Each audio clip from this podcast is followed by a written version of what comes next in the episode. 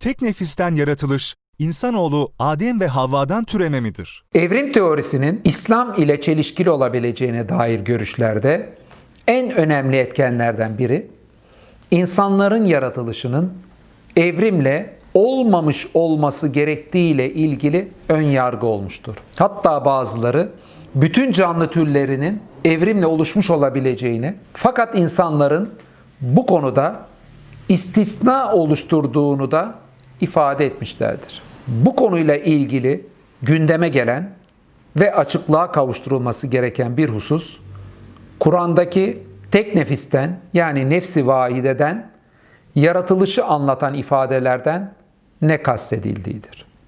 Önce bu ifadenin geçtiği bir Kur'an ayetini görelim. Nisa suresi 1. ayet. Ey insanlar! Sizi tek nefisten, nefsi vahideden yaratan, ondan eşini yaratan ve her ikisinden çok sayıda erkekler ve kadınlar türetip yayan Rabbinize karşı gelmekten sakının. Bu ve benzeri diğer ayetlerde geçen tek nefisten, nefsi vahideden yaratılma ifadelerini bazı ilahiyatçılar Hazreti Adem'in kaburga kemiğinden eşinin yani Havva'nın yaratılması ve sonra da tüm insanların bu çiftten yaratılması olarak açıklamışlardır. Fakat Kur'an'da Hazreti Adem'in kaburga kemiğinden eşinin yaratıldığı şeklinde bir ifade bulunmamaktadır.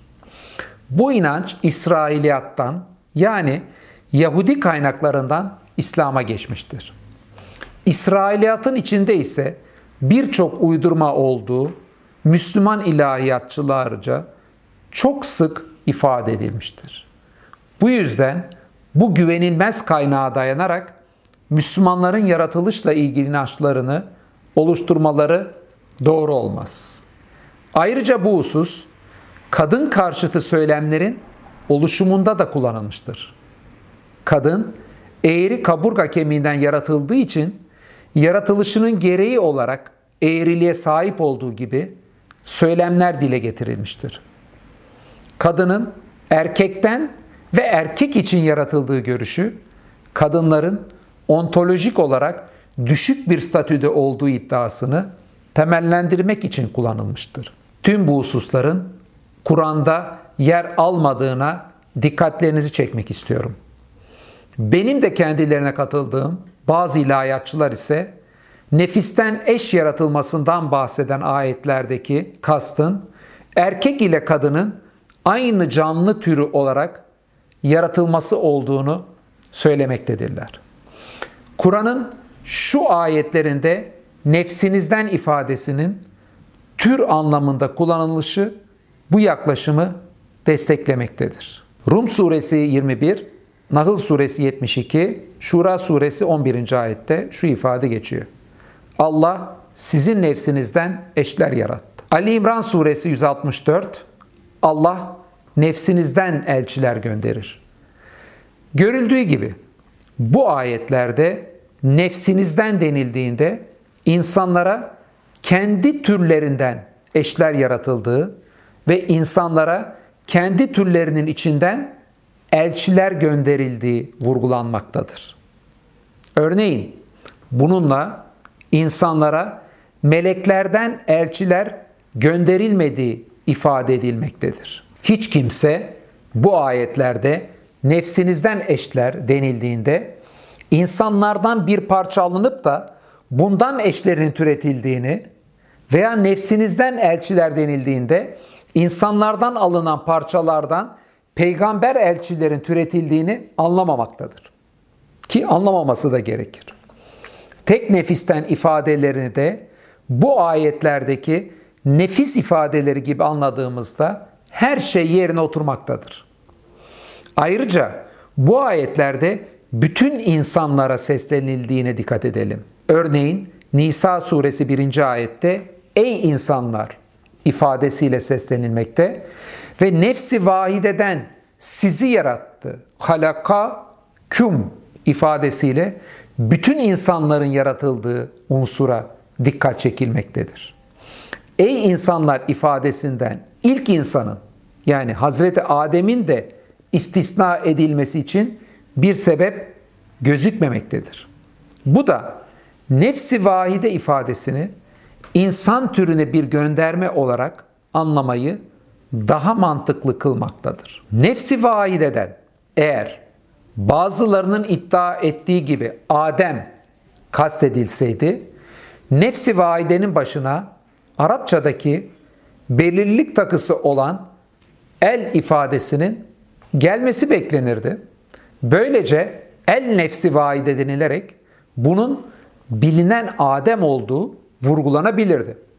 Fakat burada böyle bir belirlilik takısı olmadığına dikkat edelim. Nisa suresinde nefsi vaide ile Adem, eşiyle Havva kastedilseydi, eşini ifadesi zevceteha diye belirtilebilirdi. Ayrıca minha yerine minhu denilerek Arapçadaki erkek ve dişiyi belirlemek için ayrı zamirler kullanılmasından istifade edilerek nefsi vahide ile erkek olan Adem'in kastedildiği vurgulanabilirdi. Bütün bunlar tek nefisten yaratılma tanımlamasının geçtiği yerlerde tek bir kişiden Adem'den yaratılmanın değil de insanların kadın ve erkeğiyle tek tür olarak yaratılmalarının ifade edildiğini göstermektedir. Kur'an'da nefsi vaide tanımlaması 5 ayette geçmesine rağmen bunların hiçbirinde nefsi vaidenin Adem olduğu beyan edilmemiştir.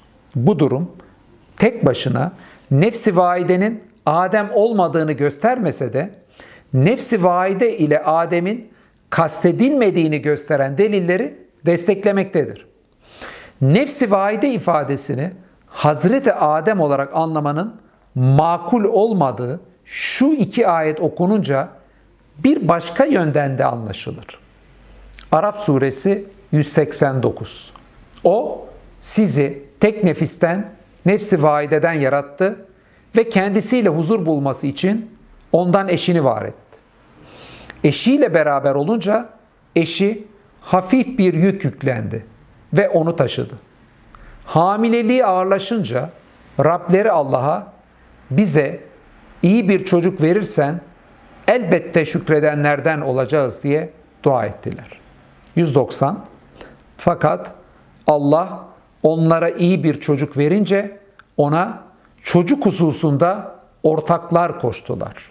Oysa Allah onların ortak koştuklarından çok yücedir.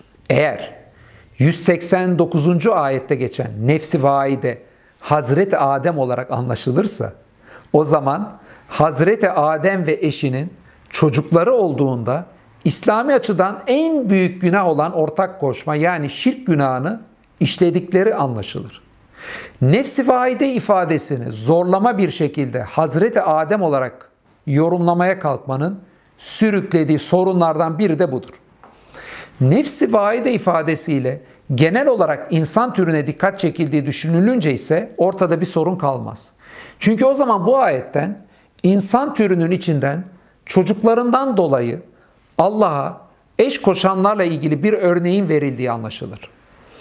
Bakara suresi 37. ayette Rabbi Adem'in tövbesini kabul etti diye geçmektedir. Fakat bu tövbeden sonra Hazreti Adem'in önceki günahından daha da büyük bir günah işlediği söylenmemektedir. Bu durum nefsi vaide ifadesinin neden Hazreti Adem olarak anlaşılmaması gerektiği hususunda ilave bir delildir. Ayrıca 189. ayette nefsi vaideden eşlerin yaratılma sebebi huzur bulma olarak aktarılmaktadır. Bu durum ise ilk insan veya ilk insanlarla ilgili değil, bütün insanlarla ilgili bir durumdur. Bu da bu ifadenin genel olarak insan türüyle ilgili anlaşılması gerektiğini desteklemektedir.